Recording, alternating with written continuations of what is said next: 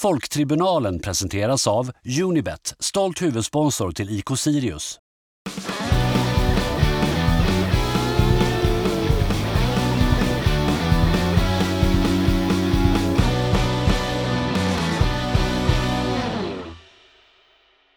Vi sitter här återigen på, på Pitchers, det som eh, vår gäst trodde var Harris ett tag, eh, och det som Eskil förra veckan trodde var en, en kedja. Eller du trodde att det inte var en kedja, Nej, men det är en kedja. det är en kedja. Eh, på 13 dag, är det, bara- vad är det, Kasper, Melchior och Baltasar vi firar in va? Deras intåg i Jesus liv. Ja, det Eh, är... öppet trots det. Stort, Ja. stort för oss. Eh, och vi har eh, på min högra sida Eskil Höglund, som alltid. Eh, och jag, Viktor Tullgren, är här. Och vi ska prata med Jonathan Ederström. Sa Yes. namnet rätt? Det gjorde du Ja, absolut. skönt. Yes. skönt. Eh, välkommen Jonathan. Tack så mycket. Hur känns det att vara med i podden? Eh, roligt, Ja. framförallt. Ja. Mer än något annat Ja. roligt. Eh, det ska bli kul att prata mer, lära känna er och Ja. få prata Sirius. Och du, du har framförallt tagit upp lite seriöst när du beställde en alkoholfri öl, för att inte riskera liksom försäga Ja men jag kände det. Ja. Jag kände det. När man pratar med den tredje statsmakten. Exakt. Jag vet, inte, Eskil sa att han, han är som bäst efter noll öl. Jag vill tro det. Ja. Jag tror att jag är som bäst efter no några öl, liksom obestämt antal, Mm. beror på dagsformen. Men jag är nog antagligen sämst då, det är bara att jag själv tror att jag är som bäst då. Men, ehm, Jag tänker att vi kan köra en round two i sommar. Och då, Ja. kan, då kan jag vara två öl in Ja, om, om ni vill. att jämföra liksom Exakt, hur, hur bra exakt. eller dåliga vi var. Ja. mm. Ja. Toppen. Men eh, vi ska väl prata, fortsätta prata, som vi hade Conny Svein inne förut, och pratade akademin och utvecklingen kring Sirius, Sirius ungdomar helt enkelt och framtiden. Eh, och därför har vi med dig Jonathan, då du, vad, är, vad, vad säger LinkedIn att du är? Vad står det där? Oj, ja, du den eh, är inte uppdaterad på två Nej, eller okej. tre år. Så den Om du uppdaterar den då? Om jag uppdaterar den så står det huvudtränare Sirius U19 Mm, och eh, transition coach Sirius Mm. A-lag. mm. Och där transition, transition, nej svåruttalat. Transition, coach. Mm. Och det är den här övergångsansvarsledare, eller vad det nu blev benämnt som på Ja. Sirius fotbolls hemsida. Övergångstränare tror jag att Övergångstränare. ja. Ja, ja. Vad, tänker vi vad är det för roll? Vad, vad är det liksom, vad, vad, vad gör man som transition coach? Det är en bra fråga. Ja. Ehm, eh, klubben har inte haft den rollen tidigare. Nej. Så eh, det är någonting vi får, eh, arbetssättet får vi forma under, under eh, året. Men syftet är ganska enkelt. Vi ska få upp fler spelare i uh, Sirius A-lag Mm. från Sirius Akademi Mm. och de spelarna som vi får upp de ska också vara bättre och de ska bli bättre. Mm. Så vi ska inte vara nöjda med att få upp spelare i A-laget utan eh, när man väl är där då ska man också ta plats. Man ska spela. Om, man, om man börjar där någonstans, för vi, vi pratade ju lite innan det här med att Jamie, Johan, Hannes och ja, men Isak och, och, och Jocke någonstans, de har ju varit uppe, de har varit, liksom, varit och snuddat. De, de har gjort en säsong och lite så här, fått känt lite, sen har de varit en säsong liksom i hel, hela, hela tiden i, i A-laget och nu liksom ett tredje år då, där det kanske ja, men lite, varit lite tuffare för framförallt både Jamie och Johan i form av liksom speltid. Ja. Jag tänker liksom vad... Hur... Den här, ny, den här nya generationen då som ska komma upp, hur... Hur, hur ser man till att, att, den, att, att de kommer in och färgar direkt någonstans? Eh, bra fråga. Eh, färga direkt tror jag är... Det är svårt, man ska, vara, man ska nog vara ärlig och, och medveten om att övergången från ett P19-lag till ett allsvenskt lag eh, kommer alltid vara stor. Eh, oavsett hur bra verksamheten, eh, den verksamhet vi bedriver i U19, oavsett hur bra den är, så kommer det alltid vara ett glapp eh, upp till vårt A-lag. Men eh, jag tror att vi genom att, att förbereda spelarna ännu bättre, eh, genom att förbereda dem på seniorfotboll, eh, skapa en, en miljö i, i U19 som, som påminner om seniorfotboll, eh, kopplat till kravställning, kultur, eh, förväntningar. Det tror jag blir en bidragande orsak. Men också när man väl är i A-laget, att jobba med spelarna, eh, feedbacka spelarna, Mm. eh, coacha under träning, eh, kolla video efter träning, följa upp deras matcher. Där tror jag att vi har väldigt mycket att vinna. Eh, lite som jag sa innan. var inte nöjda med att de eh, bara tar sig upp till A-laget och att de finns där, de är där, utan eh, följ upp dem, jobba med dem så att de också kan påverka. Mm. Men jag tänker liksom, vad är det Ola liksom har identifierat i, i den här rollen du har fått nu då, i, som transition manager? Vad är det i vad är, det, vad är det det arbetet som har saknats tidigare? Jag tror att det är just den här uppföljningen. Eh, att vi har någon som jobbar med spelarna även när de är i träning med A. Eh, så i den här rollen som jag har nästa år så ska jag vara med i träning. Eh, och det kommer nog ligga på en tre pass i veckan. Men då är mitt fokus också att se de här spelarna. Eh, och det är kanske inte alltid så lätt att, att coacha direkt i träning.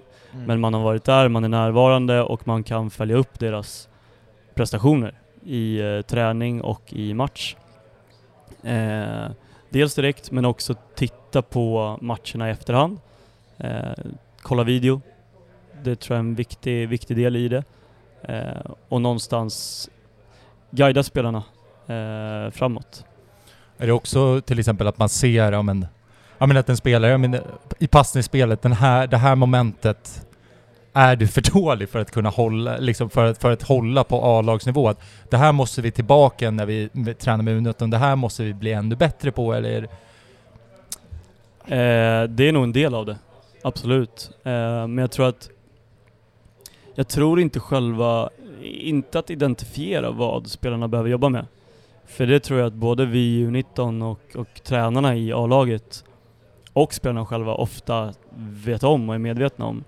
Däremot så, som ni vet, så Daniel, Theo och Petter, deras huvudsakliga uppgift är att vinna fotbollsmatcher. Mm. Eh, och de har många andra spelare att fokusera på när det kommer till att driva deras utveckling framåt. Och där tror jag att Ola har, som svar lite grann på förra frågan också, där tror jag att Ola har identifierat en, någon typ av eh, möjlighet att eh, fokusera på de här spelarna som, som kommer underifrån. Eh, så jag tror mer att, att göra, att jobba med dem, eh, än själva identifieringen av vad de behöver jobba med. Mm. För jag tänker lite också varför sån här övergångstränare behövs. Varför räcker det inte att du bara är tränare för liksom U19? Vad, vad är just den rollen? Är den här efterrapporteringen och uppföljandet som är liksom nyckeln i... Ja, och jag tror själva närvaron Ja. i A. Mm. Eh, hade man bara varit U19-tränare så, så är du ju inte med på A-lagsträningar. Eh, vi ligger ju själva på sex pass i veckan. Så att det, är väl, det är väl den då delen i det. Eh, de får ju feedback som det är, Mm. Mm. lite som du är inne på. Som Mm. spelare U19 så får du också det. Ja. Men, men nu blir det lite extra fokus på, på just de här spelarna. Och det tror jag möjliggörs av eh, min närvaro i Mm. A. Ehm, jag ser dem inte bara i U19 och hör hur de presterar i, i A, utan jag ser U19, jag ser A och sen kan man väva ihop det och utgå Mm. från, från det. Men du sa, är det tre pass med A och tre pass med U19 som är ditt, ditt schema helt enkelt? Eller? Alltså det är eh, svårt att prata schema Mhm. i fotboll. Mm. Ehm, man kan säga att ehm, jag tror att vi kommer landa på tre pass i snitt. Mm. Mm. Eh, två till tre pass i veckan. Men jag är ganska övertygad om att vissa veckor kommer jag vara med alla pass med A. Ja. Och någon vecka kanske jag kommer med ett pass med A. Ja. Ehm, det är... Det hade varit lätt att sitta här och säga att så här är tanken. Mhm. De här dagarna Mm. är jag där. Men eh, rent krasst så funkar inte fotbollen så Nej. och vi är lite som jag var inne på i början, eller om det var innan vi satte igång, att Ja. rollen har inte funnits tidigare. Nej. Så att eh, det är väl lite upp med, till mig och, och Danne Mm. Ola har liksom format vad han vill få ut av det. Sen blir, blir Danne som huvudtränare för A-laget och jag Mm. som transition coach. Vi får hitta ett arbetssätt Ja. som, som funkar och jag tror att så som det kommer se ut vecka 5 så kommer det nog inte se ut vecka 35 Nej. utan vi har kommit på saker och förbättrat det under resans gång liksom. Mm. Men det, liksom, det blir det som skiljer dig från Johan Nilsson som väl också är coach i 19, eller i alla fall har varit. Att du har en mer närvaro i A och mer liksom sammanvävt med det jämfört med att bara fokus på U19. Ja precis. Nu, Just den här eh, övergången mellan. Ja, eh, jag kan väl komma in på, på organisationen. Eh, Mm. Johan kommer inte vara kvar. Mm. Eh, Så att jag kommer vara huvudtränare och sen kommer vi ha två eh, assisterande tränare Okej. i eh, Raves Lavan och Alexis eh, Higuera. Mm.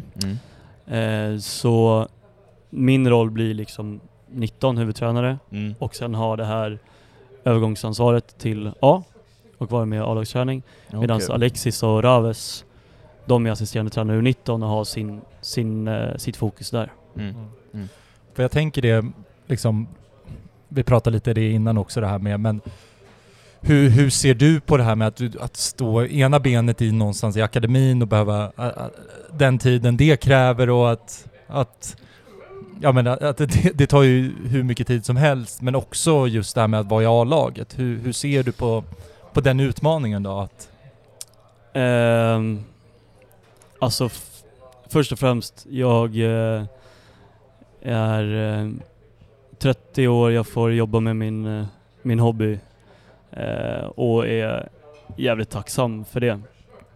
Sen är det klart att ehm, det finns någon, just den här delade rollen.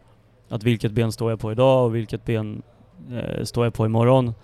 Eh, det är en utmaning. Jag skulle ljuga om jag sa någonting annat.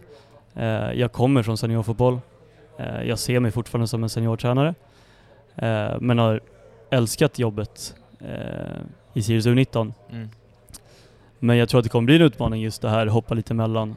Ehm, men eh, jag ser det som en rolig utmaning och eh, en lärorik utmaning. Eh, och hoppas att jag kan utvecklas som tränare på vägen. Vet inte om du har svar på frågan men... Nej, inte, det, jag vet, det känns lite... Men jag bara tänker liksom, kommer det, kommer det ställas krav på dig ännu mer att lägga över ansvar på dina assisteranden? Eller liksom... Jo men absolut. Jag, alltså det som jag känner mig väldigt trygg i är att eh, Danne är som tränare extremt strukturerad. Eh, han eh, har en bra framförhållning och där känner jag mig trygg i att jag vet när han vill att jag ska vara mer och när jag ska vara med mindre. Och eh, är han strukturerad och välplanerad, då kan jag också vara det. Så på samma sätt så är det ju mitt ansvar att, att eh, koordinera min ledarstab. Och är det så att jag vet att eh, ehm, ja, men jag ska med A-laget på träningslägret eller jag ska täcka för eh, Petter när han är iväg en vecka. Mm. Ja, men Danne har förberett mig på ett bra sätt och då är det upp till mig att förbereda Alexis, eh, Raves, till viss del Conny som ni träffade senast eh, också.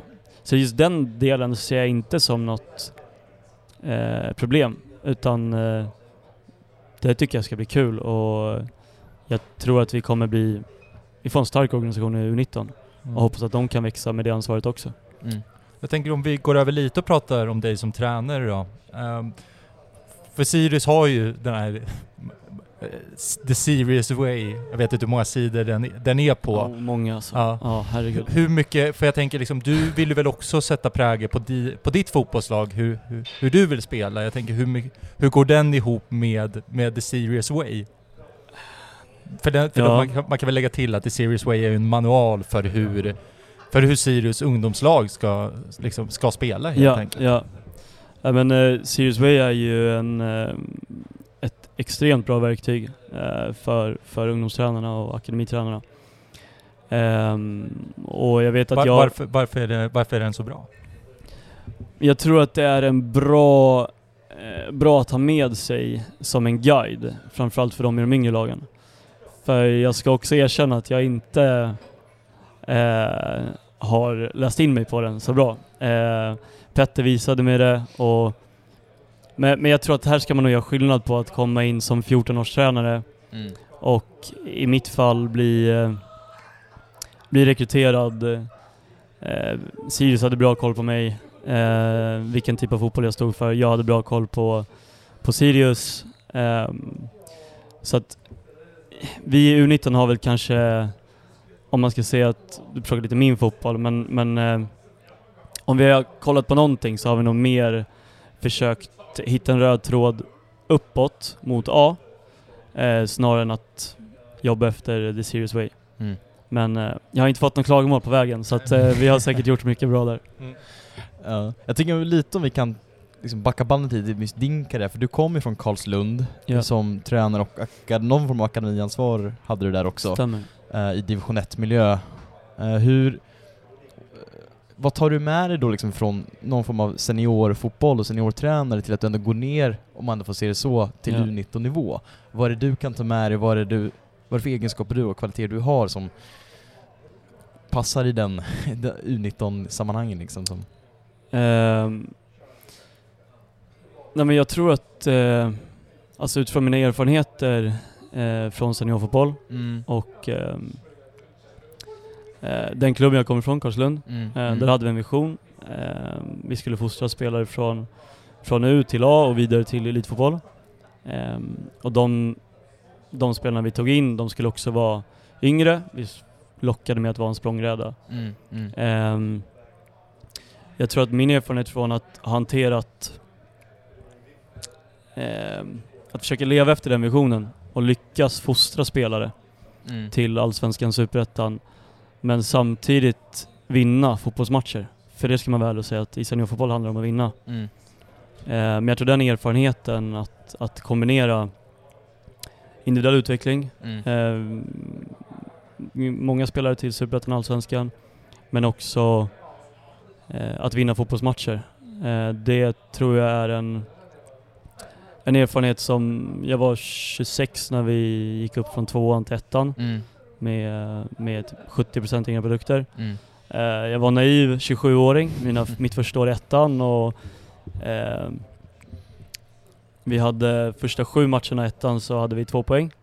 Fem raka torsk och jag tror att som 27-åring blir inkallad på någon form av styrelsemöte och fråga hur man ska vända det här. Mm. Det kanske inte många tränare, eh, den erfarenheten kanske inte många tränare får vid 27 års ålder.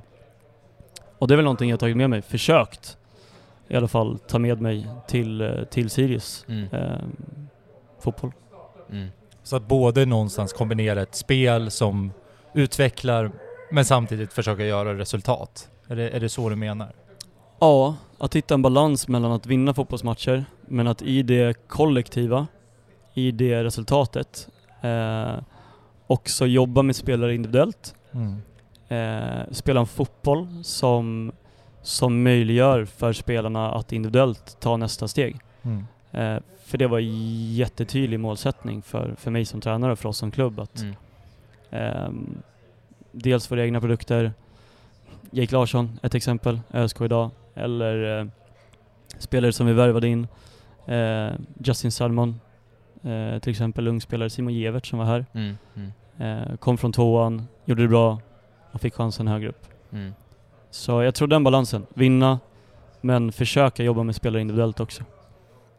För, för jag, bara utifrån sett, jag ser ingen motsättning det här med att vinna, eh, att utveckla. För mig, så jag ser det, så är det att ja, men genom att utveckla så blir du ju bättre och då ökar ju också chansen till att du, till att du vinner. Mm. Skulle du bara förklara liksom, vad är, vad är, vad är skillnaden för, Nej, men- för mig som inte förstår? Nej, eh, jag tror... Jag ska försöka konkretisera med någon typ av exempel. Jag tror att eh, ibland kanske lag och klubbar inte alltid spelar den fotbollen som vinner flest fotbollsmatcher. Eh, det kan vara så att du har en, eh, i vissa lägen eller i vissa matcher kanske, eh, vi var inte så direkta. Vi påminner ganska mycket om Sirius på så sätt. Mm. Eh, och jag tror att om du har en, eh, vi hade en 19-årig central mittfältare. Eh, om jag vill att han ska ta nästa steg och lyckas i Allsvenskan eh, så tror jag att han behöver träna på att göra saker eh, som påminner om hur det är på högsta nivån. Och driva på tempo och jag tror att om han hade fått jaga andra bollar i två år så tror jag att han hade fått svårt med övergången till, till Allsvenskan. Det är ett, ett exempel. Om man, om man tar, som jag tänker, ett Sirius-exempel då, det här med att i vissa matcher så har vi spelat den från backlinjen och motståndarna har lagt hur hög press som helst och vi har inte haft förmågan att kunna spela oss ur den. Nej. Är det, är det såna, är det så du menar också det här med att man... Ja, alltså... Nu är det exemplet med Sirius A-lag, Mm. så vet jag inte... Det är svårt för mig att prata om de eh, situationerna. Men om vi, om vi sätter de situationerna i hur jag hade det Mm. i Karlslund, så var det, då är det ett jättebra exempel. Ehm, vi gjorde nog den bedömningen att eh, vi vill att vi ska spela med den här typen av, av eh, risk. Mm. Det kanske gör att vi släpper in mål, men för spelarna i ett längre perspektiv så, så tror vi att det är direkt nödvändigt. Mm. Eh, sen vet jag inte om det finns någon som helst eh, eh, övergångs, eh, eller någon jämförelse med Sirius. A-lag 2021, men eh, det var ett bra exempel utifrån Ja. hur det var i Karlslund. Nej, jag fattar. Om man, om man tänker då att de här, du har den här erfarenheten av att så här, vi, man får inte vara för naiv, eller liksom man måste, resultatet är ändå jäkligt viktigt. Hur har du överfört det mot liksom ett, ett, att, att gå in och träna U19 där, ja men det är inte, visst är resultat viktigt, men där ser man ju ändå liksom någonstans målet att gå till ett A-lag. Ja. Um, jag vet inte om vi någon match i år egentligen har gjort avkall på vårt spelsätt. Um, vi... Um, det finns... Du kommer aldrig komma åt den... eh, den här vikten av att vinna fotbollsmatcher. Du kommer aldrig komma åt det i, i ungdomsfotboll, i akademifotboll, oavsett om det är P19-svenskan eller U14. Det, det kommer aldrig bli eh, samma krav som det är i, i seniorfotboll. Så det vet jag väl inte hur mycket, men, men det som vi har försökt är väl att, att skapa en kultur i träning eh, och i match. Att vi ska vilja vinna. Det låter som en sån här självklarhet, men, men det, det är det inte. Det vet alla som, som har hållit på med någon typ av idrott. Att det låter jävligt bra, men du ska också få, eh, få en effekt. Och jag tror där kanske snarare att, eh, att sätta någon form av kultur och, och vilja att, att vi ska bli bättre individuellt, men vi ska också vilja vinna. Eh, men som du säger, det, det, det går inte att jämföra, även om vi hade ett resultatkrav på oss från klubben att vi skulle ta, komma topp sju så, så um, det går inte att jämföra. Men är det någonting som kan vara problem med ungdomslag, att de ser att som individuell, att de ska kunna ta steget upp till är en A-lagsmiljö och därför själv, spela för sig själva snarare än för i laget då? Tänker du generellt eller specifikt för Sirius? Be- det generellt liksom det du... Generellt? Ehm, det, det är möjligt. Mm. Jag tänker Så som du ska kan- komma in då och liksom sätta de målsättningar, vi ska Ja. vinna liksom. Det, är Ja. inte, det handlar kanske inte bara om att utvecklas utan vi ska också vinna. Ja, eh, så kan det säkert vara. Mm. Eh, framförallt i enstaka, enstaka fall. Jag tycker inte att vi har, eh, har haft det, Nej. det Nej. problemet Nej. utan jag tycker att, lite som du var inne på, att finns det verkligen en motsättning mellan resultat och, och utveckling? Mm. Jag tycker inte att det har funnits det i Sirius U19 Mm. eh, överhuvudtaget utan eh, spelarna vill sjukt mycket Mm. och de vill vinna Mm. men vi, vi jobbar med spelarna individuellt och Ja. vi, vi, vi spelar en fotboll som jag tror spelarna gillar också. Mm. Och att vi U19 vinner, det kan vi ändå stå fasta på att det har de gjort den här säsongen. Jag tänker innan vi kommer in på just säsongen 2021 för U19, tänker bara snabbt den här rekryteringsprocessen som gäller för tränare i akademin. Och som för dig då, vi pratade med Conny just hur de jobbar med att få in spelare till akademin. Hur ser det ut ja, med dig som ledare liksom? Du sa att Sirius hade koll på dig, men jag bara som är nyfiken att de ändå har hur hade de koll på dig? Hörde de av sig på LinkedIn eller, Ja, hur, exakt, eller hur funkar det? Eh, nej men i mitt fall så tror jag att ehm, jag, eh, jag sa upp mig i Karlslund. Mm. Ehm, jag eh, kände mig... eh, jag sa upp mig ganska tidigt på säsongen. Eh, delvis av privata skäl. Ville, ville närmare Stockholm. Mm. Och ehm, då var inte alternativen eh, jättemånga. Eh, Petter hörde av sig och jag tror väl att man... ehm, alltså jag har haft alternativ tidigare efter säsongerna. Jag tror kanske ålder kopplat till att jag jobbat med seniorfotboll Mm. tidigt. Ehm, jag tror det blev någon sån här eh, ettan fotboll, alltså morgondagens stjärnor Mm. som jag fick coacha någon gång. Då var det några som... Jag tror att det blir lite så här, det byggs på någonting. Ehm, men jag, alltså att det blev Sirius, det hade nog ganska mycket med att göra att jag ville, eh, ville närmare Stockholm Mm. och ehm, det var du sa innan att gå ner till U19, Mm. det passade mig väldigt bra. Mm. Eh, mindre tid, kunde lägga mer tid på privatlivet Mm. och ehm, ett steg bakåt för att ta två steg framåt. Mm. Är Men- det Simon Gevert som har pratat gott om dig kanske då? Eh, det hoppas jag att han har gjort. Eh, jag, eh, jag tror, jag hoppas han pratar bra saker i alla fall. Nu är han inte kvar tyvärr. Eh, men eh, det är en jävligt fin kille. Mm. Men var, så det var bara Stockholm eller vad var det liksom? För jag tänker ändå att du är ändå kvar i organisationen idag. Jag gissar på att... Ja men det här var väl framförallt kopplat till rekryteringen. Ja. Eh, varför det blev Sirius för min del Mm. och varför det blev ett U19-lag. Mm. Ehm, I år, eh, varför jag är kvar, ehm, det var kanske inte en, en, till en början en självklarhet, eh, så. Men eh, jag tror väldigt starkt på, på det som, som Sirius jobbar med. Jag tycker att Ola och Christer eh, har en tydlig det finns en tydlig vision, men jag tycker också att visionen... Alltså det finns en riktning som, som följer den visionen. Och eh, jag... Eh, Ja men jag tror på det klubben gör. Och det... I slutändan så, när den här rollen också blev... Det var, blev någon typ av progression mot, mot senior- seniorfotboll igen. Eh, även om det är en, lite som vi var inne på tidigare, en övergångsroll så Mm. blev det ändå en pro progression mot, mot, eh, tillbaka mot seniorfotboll och ehm, då, ja men det känns rätt. Jag, jag tror det grundar i att jag tror, jag tror väldigt mycket på det klubben gör just nu och jag ville eh, vara en del av den, den resan och därför tackade jag nej till, till andra alternativ för att fortsätta i, i Sirius. Mm. Om man, om man tittar i vision, vad är, det, vad är det, om man ska försöka konkretisera visionen, vad är det du, vad är det du tror på? Ehm,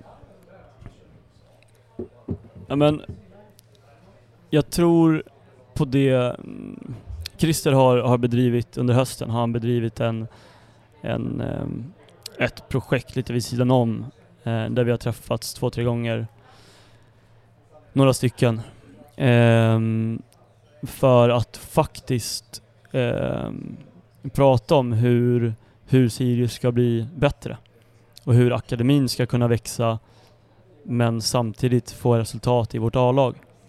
Och under den processen så, så tycker jag att eh, det har kommit fram, det finns en röd tråd mot vart man vill.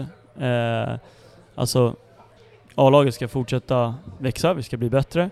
Eh, vi ska inte komma tia, vi ska så småningom komma på bättre Vad är tabellpositioner. det? Europaspel 2026 va? Någonstans där va? Här finns det Ja. tävla om Europaplatser. Christer hade väl på årsmötet någon, Ja. eh, någon plan där. Annars, 2027 är väl det vi supportrar drömmer om. Ja. Eh, Men 2026, helt okej för mig också. Ja. ja men jag, jag tror att så här, det är, jag vet inte exakt vad, vad den är i text, men jag tycker många klubbar kan prata om vart man vill, Mm. men sen tycker jag att man agerar kanske i en annan riktning, eller man fattar mer kortsiktiga beslut. Men jag tycker att, att eh, Sirius faktiskt agerar på ett sätt som, som visar att man vill i en viss riktning och jag tycker att vi, vi växer nu, vi får större tjänster på akademin. Ehm, jag kan lägga allt mitt fokus på, på fotboll. Mm.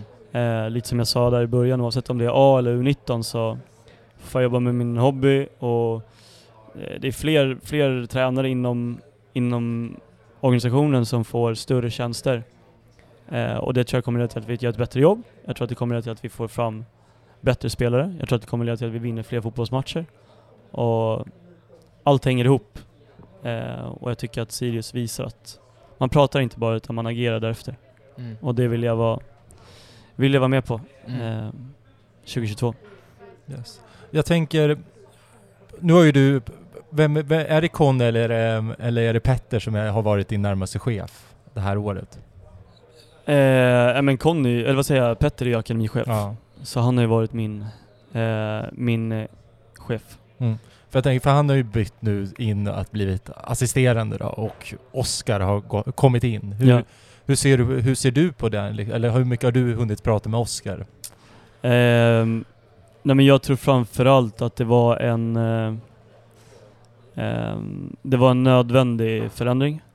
Om jag ska vara Om vi ska prata om ageranden. Hade man fortsatt med en akademichef på halvtid så hade jag inte tyckt att vi hade agerat utifrån vad vi pratar om. Mm. Så att ehm, med risk för att låta, låta hård, så, så jag tycker det var en nödvändig förändring. Mm. Eh, utan att gå in på personer. Eh, Petter är en extremt duktig tränare och han är en extremt duktig akademichef. Men han är en person och det, det, det behövde ske en förändring. Och jag tror att Z, ehm, Z kommer komma in och göra ett eh, kanonjobb. Det är helt, det är helt övertygad om.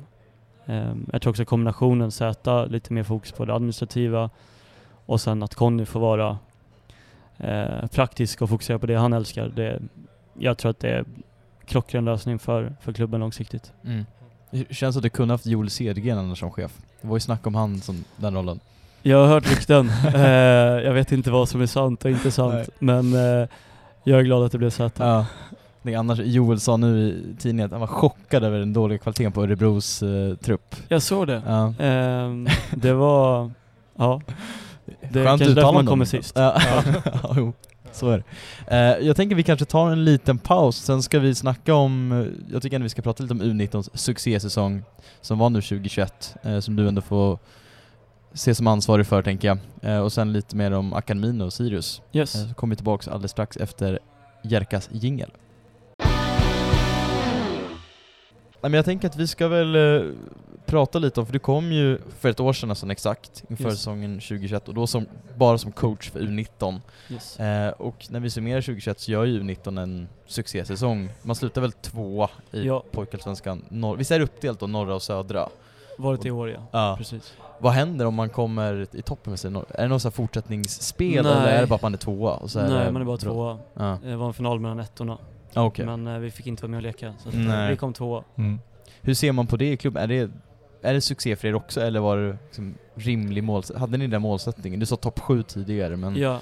Eh, nej men eh, jag har väl fått eh, inpräntat och lära mig under året att det är en eh, succésäsong. Mm. Eh, jag tror Conny sa att det var akademins bästa genom tiderna. Okej. Ja. Ehm, nej målsättningen, jag tror U19 kom 11 året innan och U17 kom 10 Mm. året innan. Så när jag blev eh, Petter var väldigt tydlig eh, när, jag, eh, när vi pratade i, i den rekryteringen att vi skulle komma topp 7 för att eh, de sju bästa lagen i norra och sju bästa lagen i södra bildar 2022 eh, P19-allsvenskan. Ah, Okej. Så det är som en nationell... och- Exakt, Ja. exakt. Ehm, så det var målsättningen och jag tror att ehm, för mig utifrån så är det ganska lätt att minnas för att man bara tar in det som sades då och det var väl att det skulle vara tufft. Mm.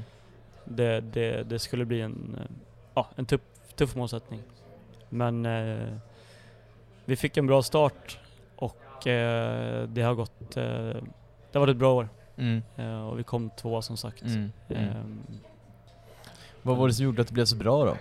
Alltså, tillfälligheter eller? Tillfälligheter tror jag inte. Men däremot så, så tror jag inte att det finns några hemligheter. Eh, väldigt bra spelare. Eh, spelare som vill väldigt mycket. Mm. Eh, tränare som vill väldigt mycket. Mm. Eh, vi var lite inne på tidigare den här kulturen. Ehm, som tränare, jag är väldigt tydlig med att du som spelare äger din egen utveckling. Jag kan inte utvecklas åt dig, jag kan inte driva din utveckling framåt utan du måste driva den. Mm. Sen, sen eh, kan, kan vi som tränare, vi kan guida dig, vi kan hjälpa dig. Ehm, men jag tror den, spelarna vill väldigt mycket. Eh, och jag tror det har bidragit till att vi har haft en, återigen, jag kommer tillbaka till det, men en kultur där man, man, man kommer till träning för att bli bättre. Mm. Man kommer inte till träning för att det står träning på schemat, utan du kommer dit, du, eh, tränarna, vill, tränarna vill bli bättre, eh, spelarna vill bli bättre. Mm. Ehm, det, alltså det är ett sånt jävla tråkigt svar alltså. Mm. Men det, alltså det Men är man- verkligen om- inga hemligheter utan Ja. Men om man försöker konkretisera det då. Spelare är ju ganska, är ganska lätt att se framför sig hur man blir bättre. Det är att man, om man pratar med dig, man pratar med assisterande tränare, liksom man, man får en känsla av det här måste jag utveckla. ja. Jag tänker, hur blir du bättre som tränare liksom under året? Ehm, för egen del så var, var klubbytet en eh, nyckel. Alltså miljön här med ehm, ja, men lite som du sa tidigare, att jag kanske gick ner då från seniorfotboll till U19, men det man får här istället, det är ju en, en miljö där man får vara med i A-laget. Mm. Du har eh, du har runt ett bord, du har med Daniel, du har Theo, du har eh, Petter, du har Karim, du har Adrian, eh, Ola eh, och sen i akademin du har Conny och Johan. Alltså det är så många kompetenta människor att eh, prata fotboll med, att diskutera och ta lärdom av. Så jag tror det är, som tränare kanske vi utvecklas mer som, som eh, eh alltså organisatoriskt mellan, mellan lag så. Mm. Har det varit så att även U17-tränare, alltså hur ser det, har de varit och jobbat i, i din, eller i, i U19-miljön eller hur har det? Ja men vi har ju, vi har ju haft tränare, där, där måste jag slå ett slag för Connys arbete kring att få eh, på samma sätt som att akademitränare uppe med A-laget så har vi haft akademitränare uppe med U19. Mm. Eh, vilket jag personligen älskar. Ehm, vi, eh, och det, det tycker jag också, det säger väldigt mycket om Sirius som, som klubb. Att, ehm, ja, men min kollega Johan, han var bortrest någon, någon helg och jag skriver i, i vår gemensamma tränarchatt, eh, är det någon som kan hjälpa mig på matchen? Mm. Eh, liksom ställa upp för det. Och på två sekunder så har jag fått två sms. Då tror jag att det var Daniel Smirnov eh, och eh, Claes Wikner Mm. som är i U13 respektive U15. Mm. Hoppas jag säger rätt nu. Mm. Eh, ja men då vill de vara där för att de vill bli bättre. Ja. Och alltså jag älskar den grejen. Eh, och där tycker jag att det finns en röd tråd från, från A och sen så ner. Mm. Det, jag tycker det är klass. Och det, det är kul och det inspirerar mig. Eh, Klas eh, som så här U13-tränare, men han på, på tio minuter har han ställt eh, fler frågor än vad ni gör på en poddintervju. Liksom. Ja, han, ja. han vill lära och då blir man taggad själv. Och det, det är en jävligt rolig miljö. Det är inte jobbigt för dig då att man bara så man känner så men jag vill fokusera på det här och så har man liksom en, en kakadua som, som bara... Som, Nej, alltså... Och är det så att man inte kan svara på något där då, då, då får man ju... Det är klart, är det match så, så får man väl eh, säga att man tar det sen. mm, Men jag tror att vi är väldigt noggranna inom föreningen att vi faktiskt tar det sen också. mm, Ehm, för att vi vill utvecklas tillsammans. Mm. Och det, det, det, tror jag är en, det tror jag är en nyckel Mm. för, för klubben. För det kan man se också på, både Adrian och Theo har ju tagit eh, de stegen ifrån ungdomsfotbollen som ledare och nu är de i A-lagsverksamheten. Ja, Där har vi också någon form av talangutveckling. absolut. Det är en Ja. röd tråd. Och som jag sa tidigare, att man agerar efter den röda tråden också. Det är, Mm. det är så jävla mätbart det kan bli liksom. Mm. Mm. Jag tänker på det att man kan ju se det som en succésäsong, men man kan ju också se det som, ja men våra spelare var kanske lite för bra för serien. Att, Ja. att deras ut, alltså den personliga utvecklingen lite stagnerade av att man mötte för dåligt motstånd. Har du, Eh. eller är, är, är jag lite på fel, fel på det eller? Absolut inte. Eh, jag tycker det är en otroligt viktig aspekt i det hela.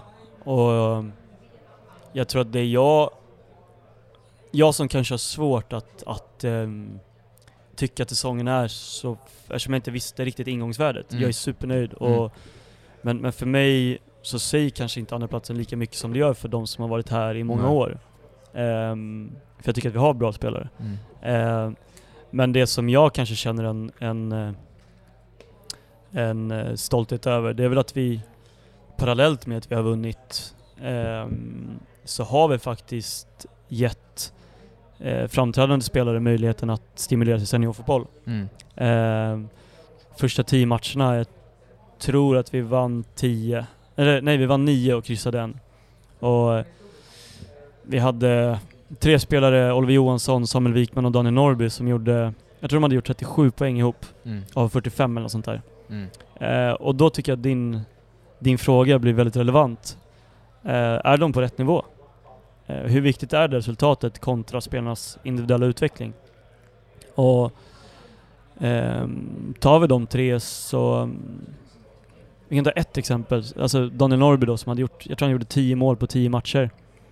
Ehm, och att ge honom möjligheten att få visa upp sig inom seniorfotboll Mm. och att få den erfarenheten för att inför 2022 kanske stå bättre rustad. Mm.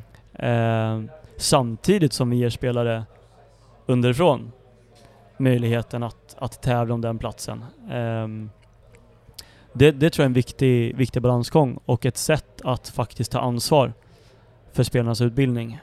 Ehm, I Dannes fall blev det jättelyckat. Han gick och gjorde, för egen del blev det lyckat, ska jag till, förtydliga det då. Ehm, jag tror han gjorde 10 mål eller sånt här. Mm. Det var ju, han gick till GUSK. Han gick till GUSK. Vi kan väl säga, det finns ju inget samarbete längre så att Nej. fuck GUSK! Toppen gick det! Kanon! Eh, det blev bra för Daniel. Eh, och eh, samtidigt så hade vi Skeppstedt eh, född 03, Mm. Filip Amfi född 03 och Elias Lindström född 04 Ja. som fick tävla om den, den platsen. Eh, och man kan väl säga, ser man till sista matcherna på säsongen så tog Elias Lindström född 04 den chansen och det Ja. slutade med att han är på landslagsläger. Så att det, det tror jag är en, en väldigt viktig aspekt att i succésäsong, om det är det eller inte, det, det, det, Ja. det, det får andra liksom spekulera kring. Men andra platsen är en del i det. Ja. Men, men ehm, jag tycker många spelare har haft en, en fin utveckling individuellt. Mm. Jag tänker, för, för Daniel Norrby till exempel, vad, vad händer med honom nu? Är han kvar i U19 till nästa säsong eller hur ser man liksom? Just i hans fall så är han född 2002 Mm. och är för gammal. Ehm, alla de tre var det. Så det är klart att det fanns väl en, en tanke bakom det också att de ska spela seniorfotboll 2022 oavsett om de vill eller inte, Mm. oavsett om det är Sirius eller inte. Mm. Ehm, men i, eh, i eh, Dannes fall så har han med, med totalt 20 mål på 22 matcher i Pinnetunasvenskan och eh, division 2 eh, gett sig själv väldigt bra förutsättningar att eh, hitta en bra miljö eh, den här säsongen som kommer Mm. Och på riktigt hävda sig. Men hur ser liksom din roll då som övergångstränare ut att ha koll på de som lämnar, alltså 02 nu som är för gamla? Har du någon del där eller är det upp till Ola Adrian som är scoutingansvarig att ha koll på dem eller? Men som, som en Norrby, har man koll på honom i verksamhet att han finns där liksom? Att, Ja. Ehm, ja men om man tar... eh, jag får väl svara för... Utifrån att den här rollen inte har funnits tidigare. nej, nej. Eh, och det här har skett 2021 när rollen inte fanns. Ja. Men man kan väl säga att kring de spelarna vi pratar om nu, som tillhörde min trupp. Eh, det var även tre spelare till, en startspelare till, David Valentinsson, och sen två spelare till som lämnade för, för GUSK. Eh, men det är väl eh, de som har kontrakt, de är klart att de är fortfarande vårt ansvar. Ja, de är ju väldigt ja, måna ja. om. Eh, Samuel Wikman skrev ett, ett A-lagsavtal till Ja, exempel. Ja. Eh, Daniel Norrby hade inte ett A-lagsavtal. Men det är klart att i, i hans fall så kunde vi konstatera att vi trodde inte, klubben trodde inte att han kunde bli eh, A-lagsspelare Mm. här och nu. Men vi tror fortfarande att han kan bli en elitspelare. Mm. Och det är också en sån här grej som man, man kanske inte tänker på som supporter för man vill, man vill ha upp spelare i A-laget. För det, för det är det jag, det är den frågan som jag sitter och liksom verkligen så här, det brinner in i mig. Eh, just så här, men vad, händer? Tappar vi Norrby nu? Vad fan? Eh, liksom, Ja. vad, går han? Ehm, det vet jag inte. Nej. Eh, det är inte klart, men han hade inget avtal. Men förhoppningsvis så kommer han till en miljö, jag skulle tro att det blir typ division 1. Eh, och gör han det bra där så, så ger han sig själv förutsättningar att, att nå elitfotboll. Och då är det ju klart att vi kommer ha koll på det. Mm. Eh, sen är det alldeles för ovisst och, Ja. och liksom sia kring. Men jag, jag tror att det blir viktigt att, att man förstår att, att, att vi... En del av vår spelutbildning är också att få spelare... Alltså vi, vi kommer inte kunna få... Hur bra spelarna än är så kommer inte alla kunna nå vårt A-lag. Mm. Eh, alltså där är vi begränsade. Bara kopplat till antal i truppen liksom. Ja. Men att ju fler vi kan ha för vårt A-lag, men också ju fler ringar på vattnet det kan bli som rinner ut över andra klubbar. Eh, kan vi att våran... Säg att våran spelare nummer sju, säg att han rent historiskt, han har gått i division 3. Jag har ingen aning, jag bara chansar. Men säg att han hamnar i division 3. Kan vår spelare nummer sju hamna i division 1 istället? Mm. Och kan vår division spelare nummer 3 gå till superettan istället för till division 2? Mm. då, då kan vi börja snacka spelutbildning på, på allvar. Mm. Så det kommer ge tillbaka Ja. långsiktigt. Mm. Så även om inte vi liksom får upp Norrby här och nu i Sirius så är det, får det ändå ses som ett kvitto på att Sirius Akademi gör någonting bra då, att han ändå går till, ja men eventuellt division 1-miljö då. Man kan, väl, man kan väl likna det vid BP. Just det här med att de utbildar hur många spelare som helst som Ja. spelar lite överallt. Men Ja. det är kanske inte alla som spelar i BP. Nej. Nej. Nej men lite så. Samtidigt som vi, vi, vi får inte tappa den här strävan efter Mm. att, att Daniel Norrby eller motsvarande Daniel Ja, Norrby ja. ska vara ännu bättre. Nej. Alltså vi vill ju att han ska, alltså vi vill ju att de spelarna ska hamna i vårt A-lag. Ja. Så att någon typ av så balans att vi får inte bli nöjda. Nej. Spelarna ska vara bättre. För vår, vår, vår absoluta ambition ska vara att de, de kommer till A. Ja. Eh, men jag tror genom att sikta så högt, Ja. då, då tror jag också att vi säkerställer en viss, viss nivå. Men jag tänker också, för nu var det väl fyra spelare som fick sådana här lärlingskontrakt? Eh, ja, under året. Wikman gånger två, Öskan och Tim Olsson va? Stämmer. Och, Och all- Noel Hansson. Det är fem. Mm. Det är fem till och med. För Ja, både Adam och Samuel Wikman fick väl lärlings... Ja, ja, ja. precis. Eh, och har de varit med i U19-sammanhang också, eller är de ännu yngre? Nej, de har varit U17? med, med U19 Ja. hela året. Eller ja, eh, Samuel lånades ut under hösten till. Gävle. Men de andra har varit med hela året och eh, haft sin matchmiljö U19 och haft sin träningsmiljö i U19 kombinerat med A-laget. Mm. Ehm, och det, det, där tror jag att vi har haft en bra miljö Mm. för just de spelarna. Mm. Ehm, tränar både med A och U19 Mm. men, men spelar sina matcher med U19. Mm. För det visar ju ändå, det är väl också ett- kvitto på att vi gör någonting bra, att vi får upp, ja men nu är det fem stycken upp på lärlingskontrakt i A-laget och det. Och det känns ju, fortsätter vi så så, Ja, det är, fan, det är, det är superroligt. liksom. Ja. Det är superkul. Med den lilla detaljen att Ja. han ska också ta platsen. Mm. Ja. Men det är såklart ett, ett jättebra kvitto på vägen. Mm. Och när vi ändå pratar om eh, fall Samuel Wikman fick vi in en fråga om från Jonathan Diamant, just hur man hanterar det tappet. Han gick ju till Gävle då i samband med det kontraktet och att han försvinner från EDU 19-miljö. Hur, hur hanterar man sånt att sådana spelare försvinner? Ehm, nej men jag, jag tror att man hanterar det på ett sätt... Alltså Sirius som klubb har inte jobbat så här tidigare. Utan det här var första, första gången man, man kunde göra på det här sättet. Så det fanns liksom ingen... eh, Det fanns ingen manual att så här gör vi eller så här det stod inte du... i Serious Way då? Det stod inte i Sirius Way, tror jag. jag inte Nej, låt det läsa det. Eh, men, eh, nej men man, man, eh, man hanterar på ett sätt, eh, alltså Samuel, vi, vi gjorde bedömningen att Samuel behövde det för sin del. Mm. Och det tycker jag är att ta ansvar för en spelares utbildning. Mm. Eh, och sen handlar det ju om att, att fokusera på de som är kvar.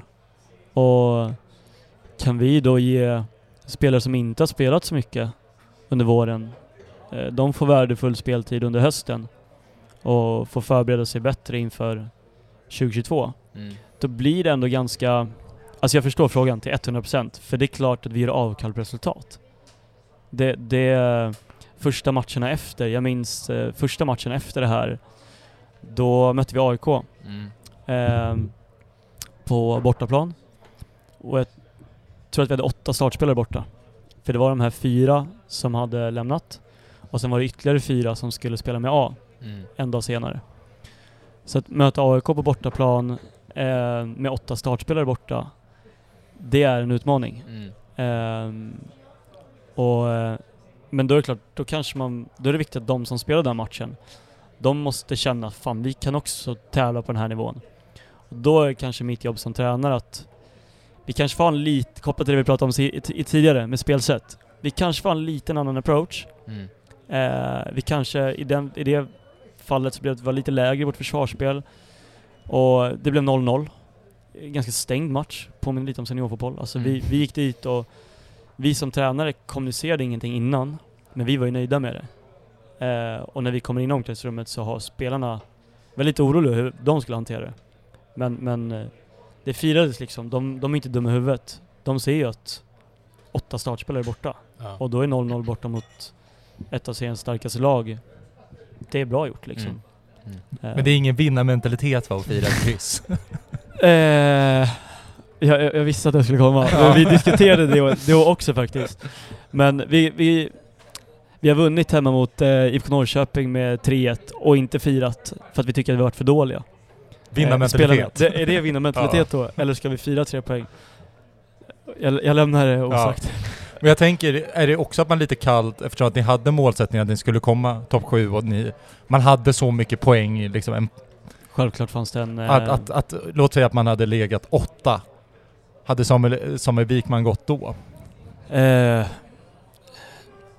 det vet jag inte, men, det, men den frågan är jätterelevant. Och det är klart att vi, vi kunde konstatera att vi låg etta och vi hade eh, vi hade 14 poäng ner till åttonde platsen. Eh, så det är klart att hade vi legat, som du säger, åtta eh, och haft två poäng upp, då, då hade vi fått göra den här... Ja, vi hade tvingats sätta ner och göra en värdering. Eh, individuell, eh, vad är bäst för den spelaren individuellt kontra vi måste säkerställa en viss nivå för hela laget Mm. eh, för 2022. Så att det hade nog blivit tufft att låna ut eh, så många spelare i alla fall. Mm. Det tror jag. Och jag tror att det kommer bli tufft 2022. För att serien blir så mycket tuffare. Mm. Så jag tror inte vi kommer kunna ha i alla fall lika många på, på lån i höst. Det, det är svårt att se. Men det är väl ett gott betyg till, för, för jag tänker, hur, var, hur är, hur upplevde du tävling, tävlings, liksom, nivån i, i U19 i år? Ja, ehm, i vissa matcher bra.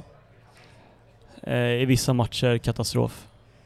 Om jag ska vara riktigt ärlig. Mm. Ja, men jag, tycker, jag tycker någonstans att man lånar ut halva, halva laget, det säger någonting också om själva serien. Absolut. Nej men eh, det är klart att eh, ehm, du ställde en fråga tidigt om, om det här med mm, om det är för låg nivå, alltså är det en bra, bra miljö för spelarna då? Och jag tror vissa matcher är superbra. Eh, vissa matcher är mindre bra. Och att vi får byta ut de ehm, sju mindre bra matcherna mot att möta Malmö FF, Göteborg, Halmstad, Häcken, Helsingborg. Alltså det, det tror jag kommer göra spelarna jättegott. Mm. Helt övertygad. Det är lite som det här resonemanget att Sirius har ju dragit sig ur 21-serien. Mm. Att det liksom, det ger ju ingenting. Att, för att det bara är någon form av Hälften av truppen är bara reserver som inte är så motiverade att spela. Att Då Ja. är det inte värt att åka upp till Östersund för den kostnaden som det är också då. Ja. Och sen jobba med träningsmatcher istället Ja. när man verkligen vill ha det. Och det är Ja. två lag som verkligen vill ha det. Men det är... eh, För jag hade Ja. tänkt att fråga det, utöver den här U19-serien, hur kommer man jobba på något annat sätt just att säkerställa en tuff, tuff matchmiljö? Eh, jag tror, eh, alltså vi vill alltid hitta en så bra miljö som möjligt. Jag tror utöver P19-svenskan tror jag det är svårt att eh, spekulera kring. För att ingen vet hur tufft det blir. Eh, men det jag kan säga är vägen fram till P19-svenskan så har vi ju inom U19, alltså fotboll, så finns det något som heter ligacupen. Som ska motsvara herrarnas svenska cupen Mm. med gruppspel tidigt på, på säsongen och som någon typ av förberedelse inför Allsvenskan. Exakt samma tänk egentligen med ligacupen. Och där kan jag väl säga att vi... Eh, ehm, de, de, den ligacupen är vi inte nöjda med som eh, matchmiljö. Eh, vi, hamnar, vi har en grupp där vi... Det är bra lag, men inte ett enda lag spelar i P19-svenskan. Och då är det klart att då måste vi nog ta lite höjd för att eh, testa oss mot, mot bättre motstånd också. Mm. Så motsvarigheten för Sirius A-lag hade varit att utöver Svenska Cupen, man har Sylvia bland annat, Mm. att inte bara vara nöjd med att spela mot Sylvia utan onsdagen efter, men då kanske man eh, tar hit... Eh, Förlorat Tallinn. ja, det hade, varit, det hade varit bra om vi fått internationellt motstånd Mm. för 19-åringar. Nej men eh, typ, fan vet jag, AIK. Eh, Så att, eh, jag tror att det, det är en jättebra fråga. Och eh, vi är nog inte främmande för att spela träningsmatcher parallellt med, med serien, om det skulle behövas. Men jag tror att serien i år i 19-miljön blir så pass bra så att det inte ska behövas. Mm. Man har inte tänkt någonting med att möta även internationellt motstånd. Jag förstår givetvis Corona, Ja, extraordinär, men liksom man måste ju ändå ha ett, arbe- eh, liksom ett arbetstänk när den här pandemin är klar. Liksom. Absolut. Eh, jo men det är någonting vi har diskuterat. Eh, jag tror att det finns ett stort värde i det. Eh, men eh, inte under för försäsongen. Skulle det vara så att jag släppt i vi diskuterade det att eventuellt göra det i somras. Eh, då tror jag att det är, det är jättebra, bra erfarenhet. Men lite för svårt att säga om. Mm, jag fattar. Jag tänker, ja, men till exempel eh, Mustafa Zidane, en, en, en liksom han har ju pratat väldigt mycket om att ja, men, eh, en stor anledning varför han kom till Sirius var just det här att Daniel Bäckström såg en tydlig roll för honom. Och vi, och, och vi har varit inne på det här med att det finns ett väldigt tydligt sätt hur Sirius A-lag spelar fotboll. Hur, hur, får, hur, hur behöver du tänka som U19-spelare? För, för givetvis ska de vara det ska vara alla spelare ska ju, ha, ska ju försöka bli elitspelare, även om det är Sirius eller någon annanstans. Men någonstans i första hand så måste det ju vara att de ska gå till Sirius. Hur, hur, hur, hur jobbar du med spelare för att liksom forma dem in till Sirius A-lag? Um, nej men jag tror att vi behöver ha en, ehm, en ehm, vetskap om vad A-laget har för, för kravbild Mm. på spelare eh, kopplat till position. Vad, vad, eh, vad förväntar sig eh, Danne, Theo och Petter eh, att deras mittbackar ska klara av i anfallsspel respektive försvarsspel? Eh, och med tanke på att vi försöker ha en så röd tråd som möjligt ner till U19 så fotbollen skiljer sig inte jättemycket år. Eh, träningsmetodiken skiljer sig inte jättemycket åt. Eh, men för att liksom hitta rätt individuellt, då tror jag att eh, om Adam Wikman ska ha chansen att ta en plats i Sirius A-lag som sexa eller åtta, eh, då behöver han bli coachad på ett liknande sätt i vårt U19. Och för det krävs eh, att vi vet vad, vad kravbilden är, och det vet vi genom att ha en nära relation. Eh, och sen att vi kan jobba aktivt med det Mm. och, och coacha honom i det. Eh, och det tror jag kanske är motsvarande till det du beskriver kring mustret. Vi kan inte värva in spelare, utan, men vi kan, vi kan jobba med spelarna utifrån de egenskaperna som vi tror att de kommer behöva i Allsvenskan. Mm. Finns det en risk då att man gör avkall på vissa egenskaper som, ja, men, det- som skulle kunna vara bra men som kanske inte passar in i Sirius? Jag tänker liksom det klassiska, någon no, no jäkla grinig mittback som kanske inte har superbra passningsfötter men är så himla stark på huvudet och liksom Ja, de jag- bitarna. Ehm, också bra fråga. Och eh, en, en, eh, en eh, del i det här som man behöver ha med sig på vägen. För du har absolut en poäng. Eh, vi säger att vi, du tog mittback som ett exempel. Ja men i, i eh, jag tror att alla som lyssnar på den här podden vet hur Sirius ser ut i sitt anfallsspel. I någon form av första fas i sin speluppbyggnad. Och det ställer ju vissa krav på, på en mittback. Och det är klart att det kan ju vara så att du har mittbackar som är bra på andra saker. Och, och då handlar det väl om att försöka fostra spelaren liksom med någon form av blåsvart touch. Att det här krävs för att du ska nå Sirius A-lag. Men utan att göra avkall på om, låt säga att hans spets är något annat som inte är såhär Sirius-typiskt. För att det kan också komma längs vägen. De ska inte vara färdiga när de tar sig upp i, i A-laget. Så att på något sätt eh, forma blåsvart men, men jobba med spetsen. Om det är någon som har en tydlig spets så eh, det, då, då måste vi jobba med den spetsen också. Mm. Eh, sen är det en balansgång som är svår men eh, också sjukt rolig och försöka identifiera och jobba efter. Om det var svar på frågan. Nej, det var ju Ja. superbra Ja. tycker jag. Eh, nej, nu ska väl U19 också flytta in på studenternas. Jag vet inte vilka mer lag det är som... Det är bara U19. Bara Uniton. Ja. Bara Uniton. Hur, är det också en del av den där strategin då, att jobba med närheten med A-laget? Ja, Ja. ehm, det är det. Och det är... eh, För det där- måste du se som positivt tänker jag också. Det var ju Conny också på att det är skillnad att vara borta på Löten och sen möta A-laget på studan liksom. I, mitt, I min roll blir det ju nästintill en förutsättning. Mm. Om man ska kunna ha och vara i båda miljöerna Mm, och mm. så att, Och det är... Eh, Ole Ekman kommer ha en liknande roll. Han också, kommer också vara i A och U19. Mm. okej. Så där är det nog inte bara en, en bra grej utan Mm. det, det, det är nästan en, en förutsättning. Ja. Men det är absolut att jag tror att vi som ett U19-lag kan eh, träna på en allsvensk arena. Eh, vi kan göra det med eh, förutsättningarna kring Speedio, Mm. att få våra träningar eh, inspelade. Mm. Ehm, och också vara nära vårt A-lag. Mm. Eh, det tror jag är ett steg i rätt riktning. Mm. Sen är vi fortfarande begränsade utifrån att vi inte eh, styr allt och alla lokaler och alla utrymmen. Eh, så det kommer nog bli ett pussel. Mm. Ehm, det fanns mycket som var bra med Löten också. Mm. Men när man väger för och nackdelar så tror jag att det här är framförallt kommer gynna spelarna. Mm. Fick, Eh. fick du byta om mitt dokumentskåp på Löten? Likt Kim, Kim Bergson gjorde en gång i tiden. Säkert, det är nog det... Nej men vi, vi har ju faktiskt haft sjukt bra... Alltså det... Vi fick ju alltså ärva det som A-laget hade innan. Men jag har hört eh, det där om dokumentskåpet. Eh, men vi har haft det, vi har haft det bra där. Lite... Ja. Eh, vi har haft det väldigt bra för att vara ett U19. Ja. Eh, vi har fått ärva A-lagets gamla Ja. med allt vad det innebär. Så att... Eh, det var bra. Så där får vi, där får vi pussla lite Ja. inför, inför nästa år på studion. Ja. Mm.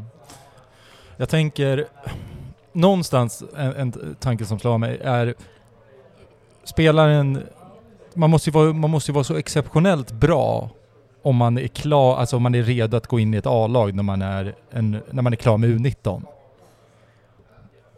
Jag tänker lite hur, hur, hur ser du på den biten just att man, för vi har ju inget U20 och vi har inget U21 liksom.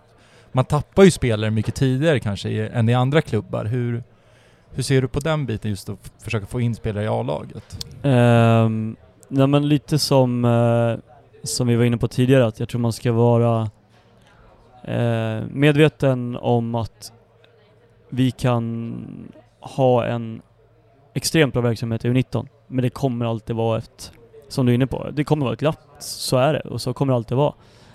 Um, och vissa spelare kommer klara den vägen, men många, eh, jag vill säga de flesta, mår bra av ett, något typ av mellansteg. Um, och där tror jag att, att eh, lite som vi var inne på tidigare, alltså utlåningar. Eh, det tror jag är en nyckel. Eh, bra relationer med, med klubbar eh, på rätt nivå. Så att våra spelare som befinner sig mellan den här, eh, den här lilla bryggan, eh, att de faktiskt får eh, spela fotboll på en nivå som, som passar dem här och nu, men som också gör dem bättre för en framtid i Sirius A-lag. Eh, det tror jag är jätteviktigt. Mm. Fortsatt. Men det här mellansteget då, om vi nu ska gå in på samarbete med andra klubbar. Ja. Skulle, nu har jag ju sagt, som vet med Guski avbrytet, eh, är det någon form av mellansteg då? Också har vi fått in lyssnarfrågor om det här, hur viktigt det är med samarbete med andra klubbar, eller behöver vi samarbeta med IFK Uppsala, som nu är division 2, för att kunna ha det här mellansteget, eller hur ska man arbeta där med, med andra klubbar eller? Alltså jag tror att eh, jag tror att samarbete med andra klubbar är extremt viktigt i det här, utifrån det vi pratar om just nu. Att Ja. hitta det här mellansteget, då är det ehm, Ja, det är superviktigt. Mm. Sen skulle jag inte säga att det behöver vara samarbete med andra klubbar i stan. Nej. Jag tycker vi som klubb har visat under året att eh, vi har haft bra samarbete med, med Sandviken, Mm. bra samarbete med Gävle, eh, vi har haft eh, samarbete med Gusk. Eh, Umeå, köra, köra ner någon i ordförandens källare. exakt. Eh, Luleå var det väl? Luleå, Luleå, Luleå. Luleå. Ehm, nej men så att alltså, ehm, svar ja, det är jätteviktigt. Ja. Eh, samarbete med andra klubbar, relationer, bra relationer med andra klubbar. Men jag tror inte att det är, är viktigt att, det finns inget självändamål att det måste vara i stan, utan Nej. det viktigaste är spelarnas utveckling och ehm, då Mm. tror jag inte att det nödvändigtvis Nej. behöver vara i stan. Även om det säkert i många fall kan vara bra. Ja. Jag, jag tänker just Sandvi- om man pratar lite bara specifikt relationen till Sandviken där Isak var hela året och sen Hannes var lite fram och, ja, framförallt av våren. Ja. Sen kommer AIK in och liksom också liksom basunera ut Ja. att de har ett samarbete. Påverkar det hur man tänker med dem nästa säsong eller är det man kan ha ett samarbete där flera liksom... Ehm, det vet jag faktiskt inte. Jag har inte reflekterat över det och jag har inte hört eh, någon annan reflektera eh, över det heller. Ehm, jag, jag tror att... Jag tror man får gå tillbaka till syftet. Varför gör vi det? Mm. Mm, Om vi ska, vi ska ha ett mellansteg för den här spelaren. Mm. det här, och då gör vi bedömningen att det här är den miljön som är bäst för den här spelaren här och nu. Eh, jag tror om det är något vi behöver förbättra så är det väl att, eh, lite som den här rollen syftar till också, det, det ska jag väl också säga att det är ett ansvar som jag kommer ha, det är att följa upp de här spelarna som är i andra klubbar. Där kanske vi inte har varit, Adrian har varit bra på det i A-laget, men de spelarna som varit utlånade från U19, där har vi liksom inte haft, det har varit svårt att följa upp träningsmiljön. Mm. Eh, Mm. så det tror jag är viktigare än, än eh, ja, det, det som du frågade om kopplat till andra föreningar. Så. Ja, exakt. Att, att det viktiga är att träningsmiljön är bra än att det kan vara fem klubbar som alla lånar ut sina, sina U19 om det är en bra träningsmiljö. Ja, om vi gör den bedömningen Mm. och att vi följer upp spelarna så att vi någonstans vet att det här är bra. Mm. Det tror jag är det absolut, absolut viktigaste. Hur, hur involverade du i de spelare som får eh, ett lärlingskontrakt eller går upp till A? Både i form av att ja, men faktiskt få ett kontrakt men också är uppe och tränar med, med A-laget. Ehm, jag får nog skilja på frågorna, tror jag. Ja. Ehm, kontrakt inte alls. Ehm, utan det, det är 100% A-laget som gör den bedömningen. Um, men, men vilka som tränar så, så absolut. Uh, vi har en dialog, vi pratar varje dag och um, det skiljer sig lite utifrån behov. Ibland kan det vara så att, att um, A-laget hör av sig och säger att den, den här spelaren vill vi ha i träning. Eller så hör de av sig och säger att uh, imorgon vill vi ha tre spelare i träning. Um, välj ni. Eller så hör de av sig och säger att eh, imorgon vill vi ha en wingback, en mittback och en nia. Eh, eller någonstans däremellan. Så det, det kan vara på alla olika sätt. Men eh, det är en dialog mellan, mellan U19 och, och A. Eh, och det tycker jag är bra. Jag, jag tycker det är viktigt för det tvingas... Det tvingar också fram en uppföljning. Dels i min roll att följa upp hur det går för dem i A, men också att A-laget eh, följer upp hur har den här spelaren skött sig. Säg att han har tränat två veckor med A-laget och sen går han tillbaka. Hur har han varit den, de två veckorna i, i U19? Mm. Ehm, så där skulle jag säga att vi har en bra samarbete och en pågående dialog. Mm. Jag tänker hur... Är du den också som bestämmer vilka som kommer upp från U17? Eller hur, hur ser den liksom övergångsperioden ut? Eh, vi fick inte rotera spelare från U17 eh, på grund av covid i början. Eh, det ska också tilläggas att när jag kom i januari så blev jag...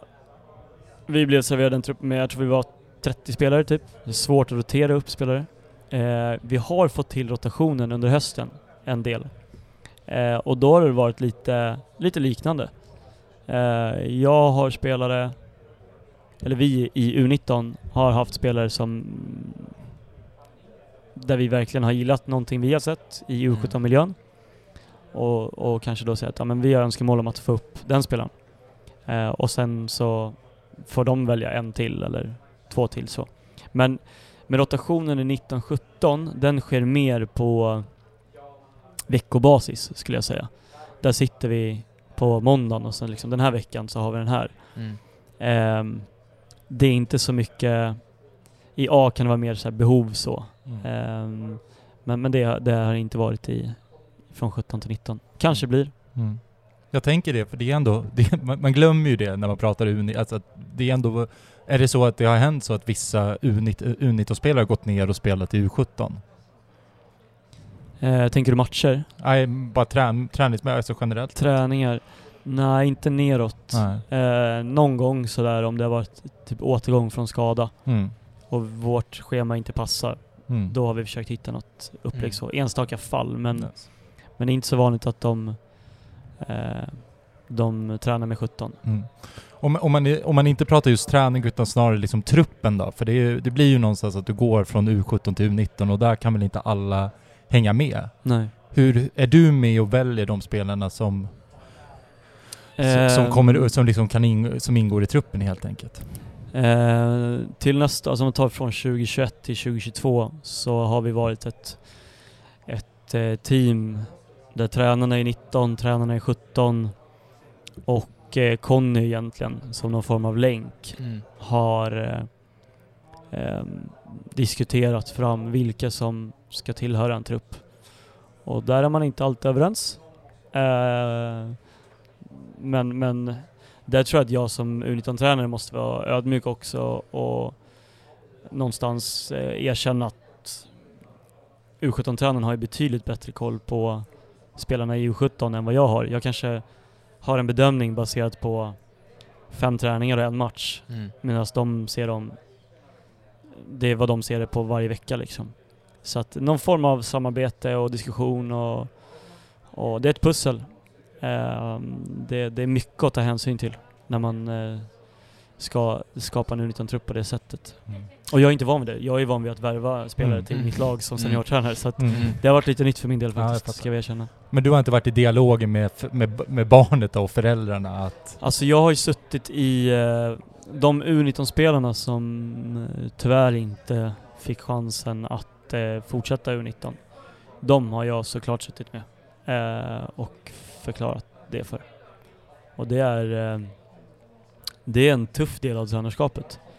Eh, det är aldrig enkelt. Det gjorde jag i min förra klubb som akademichef också. Men eh, det, det tillhör och eh, det är ofta, i det här fallet i Sirius som det varit nu, så var det väldigt fina människor, fina personer som, som fick tråkiga besked. Mm. Och det är aldrig kul.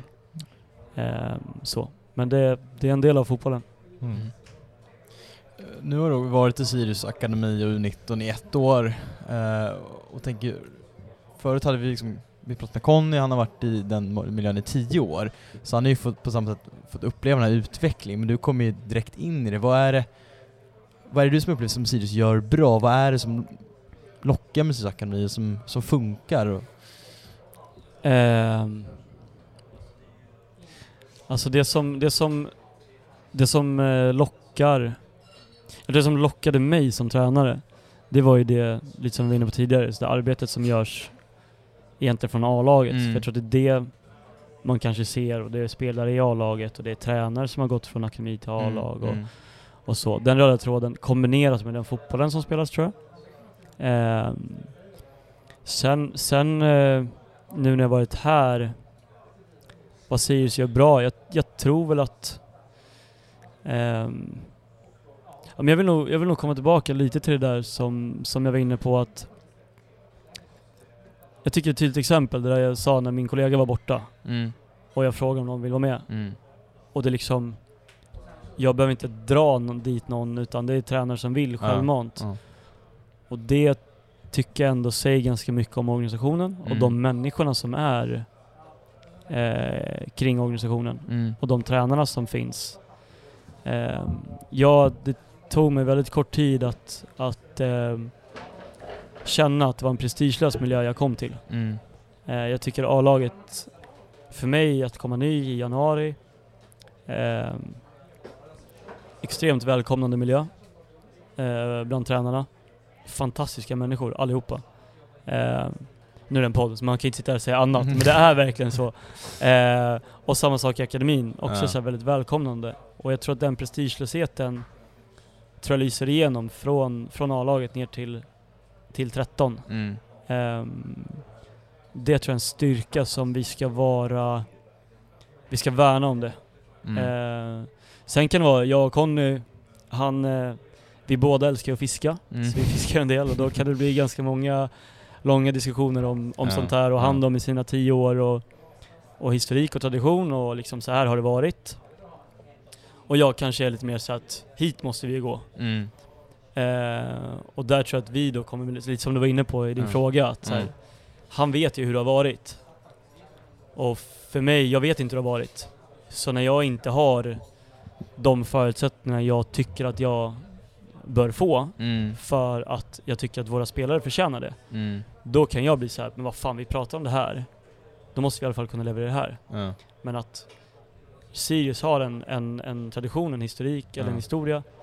Och eh, det blir väldigt tydligt när man pratar med människor som, som Conny, som Zäta, Mm. eh, som Petter. De tre som har varit här ett tag. Att det är en, en resa, en enorm resa som har, eh, som har gjorts. Mm. Eh, och där tror jag att, det, det, jag gillar det för att det, jag tror det bidrar till att skapa den här ödmjukheten och, Mm. och prestigelöshet inför vad som komma skall. Mm. Mm. Jag har väl en, eller äh, jag tänker om vi går tillbaka lite till det här med att värva spelare för den sista för det är ju ändå så att Sirius värvar även spelare, U19-spelare och lite U17-spelare från, ja, men från andra klubbar. Mm. Inte U19. Inte Ja, U19 kanske men... ja, kanske. Jag vet inte all, all, all historik bakom den truppen jag hade i år. Mm. Men eh, ja, nej men sorry jag avbröt dig mitt i Nej, frågan. nej, nej, men det- jag bara tänker, för, men då är inte du, du har inte varit så aktiv i, liksom, i att, att hitta, hitta spelare liksom. Inte alls. Inte alls. Eh, däremot är vi ju det eh, tidigare. Mm. Eh, och det tror jag är en, eh, det tror jag är en viktig del för att säkerställa en viss nivå på spelarna. För vi, Mm. all, allt kan inte ske lokalt. Nej. Utan eh, jag skulle gärna addera spets i U19-truppen. Eh, vi kanske kommer dit på sikt. Eh, vi är inte där än, men eh, jag tror att eh, vårt nästa steg som klubb att vi ehm, ehm, jag och Adrian pratar mycket om liksom så här, hur man kan ta det här framåt och, Mm. och jag, jag tror att vi på sikt kan, kan titta på spelare som ska man kalla det? En form av hybridvärvning. Alltså Mm. A, A19, A-akademi. Mm. en spelare som, som inte värvar in någon som vi tror som kommer för att vi tror att han gör det bra i, i 19, sitt sista år, utan det kan vara en spelare som, som eh, vi tror på även kan nå vårt A-lag. Eh, om två år liksom. Mm. Men där är vi inte än. Ja. Ja, jag tänker, ska vi, vi har en del lyssnarfrågor. Mm. Har du Jag något bara- mer Eskil? Och... Nej, jag har bara en till, för du har ju varit, du har, man har ju sett dig, att du var ju till exempel med i Kalmar och du har ju varit lite och du liksom nosat på A-lagsmiljön det här året ändå. Ja. Du, vad har du, kan du lite mer gå in på vad har du gjort?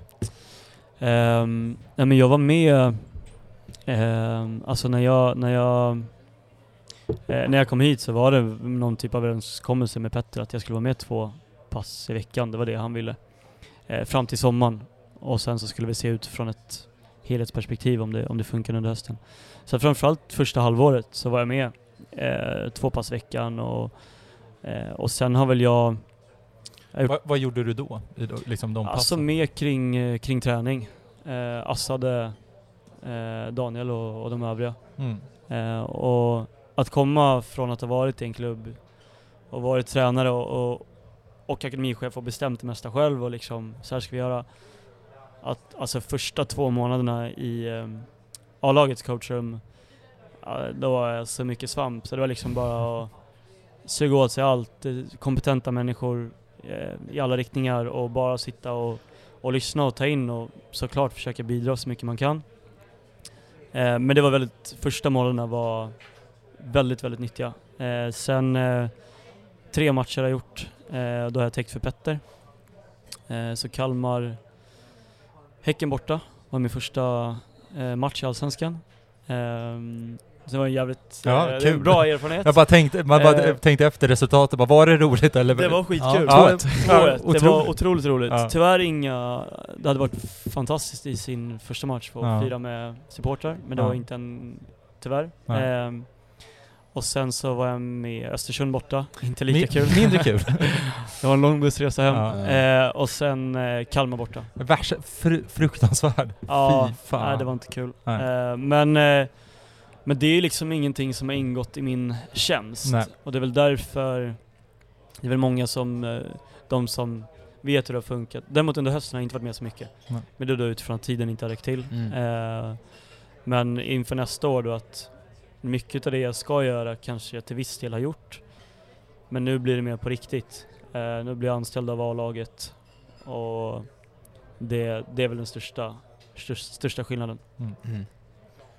Så, då, ty- då Ah. tycker jag vi spar- ställer, vad heter det? Är det lyssnarfrågor dags nu då? Exakt, och vi, vi ska väl säga det, vi ställer vi säger ju, eller så här, vi ställer alla frågor så att... Det finns inga dumma frågor. Exakt. Nej.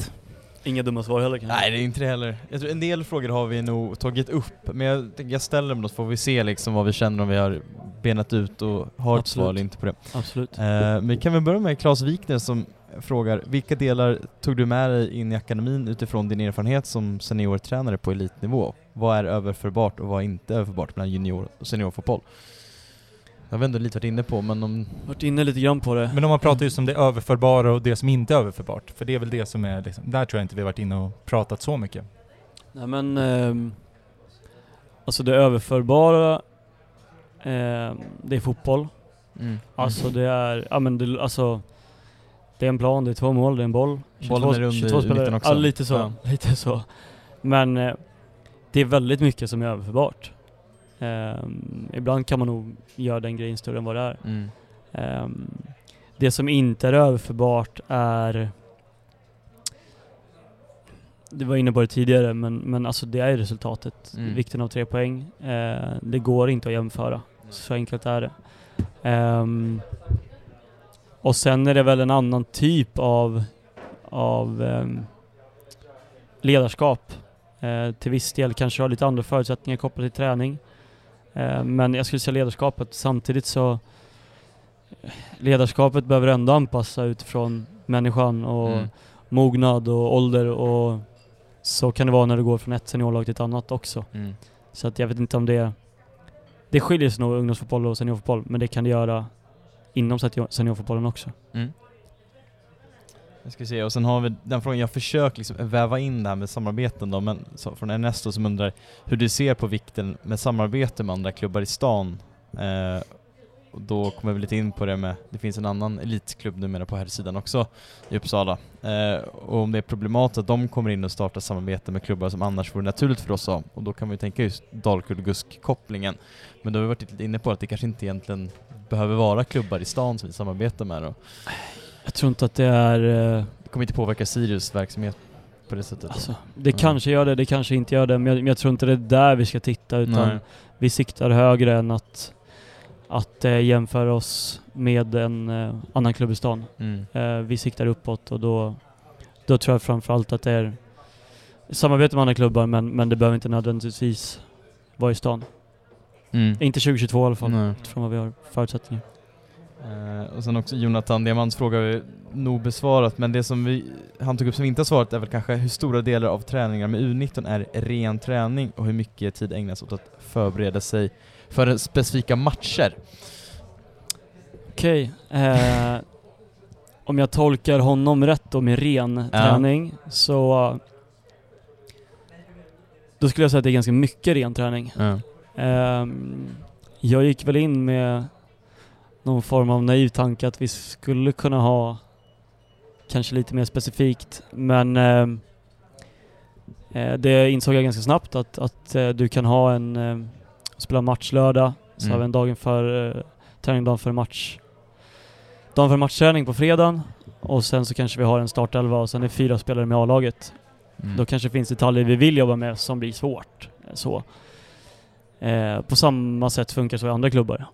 Så Mm. den specifika delen är rätt svår att få till. Så jag skulle säga att vi, eh, om jag nu tolkar hans eh, eh, liksom ren, så, så ganska mycket ren träning. Ja. Eh, utan att för den delen göra avkall på motståndarscouting. Mm. Eh, vi är väldigt noggranna med det. Vi kollar på tre senaste matcherna och jag hatar att inte vara förberedd och inte veta. Mm. Däremot så skulle jag säga att vi delar inte med oss så mycket av informationen eh, som vi kanske hade gjort innan, Mm. äh, annars. Mm. Eh, Men till exempel den matchen mot AIK då. Då, satt ni, då var match, träningen innan, då, satt ni, då tränade ni inte lågt försvarsspel utan då... Eh, jo men det, alltså jag skulle säga att vi, eh, den typen av, av detaljer, det, har inte hänt, det gjorde vi inte den träningen. Nej. Om jag ska svara på den frågan. Mm. Men om jag ska svara på frågan i ett större perspektiv så ehm, efter några matcher i serien så tror jag att lagen hade fått en, en väldigt stor respekt för oss. Och vi kunde se att de förmodligen skulle spela ett lågt försvarsspel. Ja men då, då, då hade vi en ganska tydlig approach dagen före match. Mm. Att eh, då visade vi klipp och vi tränade på att eh, skapa målchans mot ett lågt försvarsspel. Så att, förstå mig rätt, alltså motståndarscout, vi är jättenoggranna och det finns alltid en jättetydlig gameplan som vi delar med spelarna. Eh, för det är också en del av deras spelutbildning, att ta in information, hantera den informationen och sen genomföra. Men eh, vi, ka- vi tränar inte så specifikt inför matchen som eh, man kanske gör i ett A-lag. Så.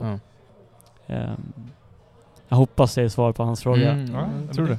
Uh, sen har vi Filip Nyberg som helt enkelt undrar om vi kommer se Erik Langvagen eh, och eller Noel Hansson något mer i Allsvenskan. Hoppas det. Eh, Jag hoppas det, Ja. såklart. Det hoppas jag för alla mina spelare. Eh, det är upp till dem att visa att de är tillräckligt bra för det. Men de är 03 va? Eller 0... Båda 03 Ja, så de har ett, det är sista året nu? Sista 19 året är från- 19. Ja. Så att eh, det är, eh, det är upp till dem själva.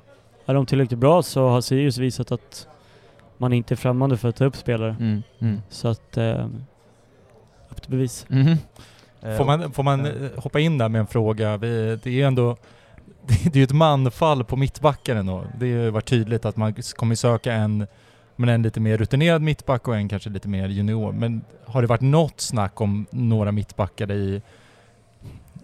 Bland, det är ju några på lärningskontrakt bland annat. Um, snack är det ju alltid. Jag menar vi pratar varje dag och vi pratar varje vecka och en sån här del av säsongen så är det klart att vi pratar mycket inför nästa säsong också. Um, vi, eh, sen vad, vad, vad gäller truppbygge i, i A, för det är någonstans där din fråga landar i, så, så vill jag inte säga för mycket utan eh, det är klart att, att klubben eh, och framförallt Ola och Adrian liksom, om de rekryterar så är det klart att de ser till vad som finns i, i klubben. Mm. Eh, så det, det, det pratas och såklart om spelare på alla positioner. Men eh, vad, vad man landar i, det, det vet jag inte. Mm. Utan eh, det får vi se. Men lite för att återkoppla till Erik och Noel-frågan där att det är många spelare i U19 som, som har chansen att ta sig upp. Men det kommer liksom inte gratis utan det är upp till dem att göra det tillräckligt bra. Så skulle det vara så att det finns någon spelare på de positionerna då antingen har de gjort det tillräckligt bra eller så har de inte det. Då får de göra det bättre. Mm. Eh, och sen Uppsala Blåsvart undrar om ni jobbar något med spelarnas värderingar eh, vid sidan av fotbollen? Eller Eh, vid sidan av fotboll, jag tänkte. Ja. Jo, men det, alltså vi... vi eh, intressant fråga. Mm. Eh, jag satt med eh, eh, Raves och eh, Alexis då, som kommer hit som nya och berättade lite om, om det kulturarbetet vi, vi har jobbat med i år. Och vilka spelarna fick en individuell uppgift i början av året. Och även i indi- individuella samtal så försöker vi få in och prata om, alltså du har någon form av värderad riktning, men du har det dels som spelare på planen, men du har det också som, som, som person. Mm. Och det är en viktig del av en kultur också. Um, spelarna fick svara på vissa begrepp. De fick definiera vissa begrepp. Mm. Ehm, och i det så, så är, eh, är det en del, är hur du resonerar som människa vad du har för Mm. värderingar och Mm. hur du är utanför planen. Vem vill du vara och ehm, det, alltså det är jätteviktigt. Eh, sen är det klart att vi ska fostra fotbollsspelare, men jag ser det också som en... Det går ihop lite att, att eh, fan grabbarna de är 17-18 bast. Eh, de ska snart ut i ett arbetsliv. Blir de inte fotbollsspelare så ska de göra någonting annat. Mm. Så att, ehm, det, det tycker jag att vi gör. Mm. Men vi, vi, vi väger in det kan man säga. Jag tror inte spelarna reflekterar över Nej. att de, att de eh, jobbar med det. Nej. Ehm, vilket också är medvetet. Ja. Men vi väger in det i vårt kulturarbete. Ja. Ja. Hur vi förväntas vara och bete oss. Vi har en, en sista fråga också, från Oskar Bernvall. Han undrar helt enkelt, favoritpizza? Favoritpizza? Ja. Uff, alltså jag, allt med ost är gott alltså. Så att jag gillar alla pizzor men eh, Svagt svar. Ja, det är skittråkigt. Jag skulle Ja. säga att det beror på lite, lite mode alltså. Nej, det beror inte Vad alls man på är- mode. Du har, man har ju en favoritpizza. Vad Alltså, åt du liksom, på, ny, vad åt du på nyårsdagen Ja. för pizza? Eh, jag, skulle, jag åt faktiskt inte pizza det Nej, här du- nyåret. ja. Eh, ja, men eh, jag säger någon form av så här, typ mozzarella och eh, typ så här, någon typ av prosciutto och skinka. Ja. Eh, jävligt mycket mozzarella. Ja, Sen ja. kan det vara så här, är man lite trött och sliten, då jag har ingenting emot en calzone heller alltså. Nej. Eh, Ja. Jag har gött. fan ingen... Vad är din favoritpizza Eskil? Men jag brinner ju för bananpizzan. Nej fy fan alltså, är där... nej, Jag undrar vad hans favoritpizza är, det vet vi inte. nej, Oskar Jag, jag tror Oskar gillar en chow chow. Alltså. Det, är, jag, Vad är det på den då? Är det köttfärs? Nej? det, är väl, eh, det är väl en, eh, någon typ av, eh, någon typ av eh, entrecote som aldrig är Okej. entrecote. Och sen är Okej. det väl tomat. Ja. Men alltså, Tomater. alltså tomater och sen är det ost och sen är det tomatsås. Mm, Okej. Mm. Ja. Ja. Tycker capricciosan funkar alltid annars. Mm. Ja men Eller Vesuvio. alltså. Ja. Enkelt och bra. Ja. Ja, men med det så tror jag att vi har nog inga mer frågor i alla fall. Mm. Du- Eskil, du har ingenting att komma på nu? Nej. Nej. Då får vi, vi Nej. får tacka er. Då får vi tacka Jonathan ja, Du tog dig tid. ja, det var kul. Ja, bra. Så får vi ses igen i sommar. Eh, två öl Två öl in, eh, Kanske en pizza också. Precis. Ja, perfekt. Bananpizza kanske. Ja, Nej, aldrig. magiskt. Där, där, där, där, där tappar du mig. Magi. ja. Men eh, tack alla som lyssnar och eh, så hörs vi nästa vecka. 12 är det väl eh, Mm. öppen träning? Eh, Yes. Då ska väl vi vara där kanske och springa runt och intervjua folk, vad vet jag. Eh, och se till också att om det är någon som orkat lyssna igenom allt det här, men in och stötta TIFO-verksamheten i Vänner i Uppsala. Eh, det är inte gratis det de gör, så att, Nej. eh, gå, in och, gå in och stötta. Vi länkar swish-nummer till dem i vår, I bio. i bio eller någonting. Någonstans. Yes. Vi hörs! Vi hörs och ses. Hej! Den här podcasten presenterades av Unibet,